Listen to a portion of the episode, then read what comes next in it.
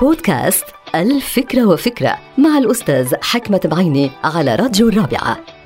فكرة اليوم تتحدث عن الفرق ما بين الإنسان الودود والإنسان الحسود. وطبعا في الأول أي عند الإنسان الودود دائما وابدا تلاحق محاسنه ومكارمه وأخلاقه من مكان إلى مكان مهما أخطأ. يعني الإنسان الودود الطيب الكريم مهما أخطأ دائما مكارمه وأخلاقه بتلاحقه بين الناس وصيته الدائم ممتاز ما بين الناس. أما الثاني أي الإنسان الحسود فدائما وابدا بتلاحقه عيوبه في كل مكان مهما أصاب. هيدا الفرق بيناتهم. الإنسان الودود إذا أخطأ الناس بتسامحه ولكن أحيانا كتير الإنسان الحسود إذا أصاب يبقى إنسانا حسودا. انتهت الفكرة.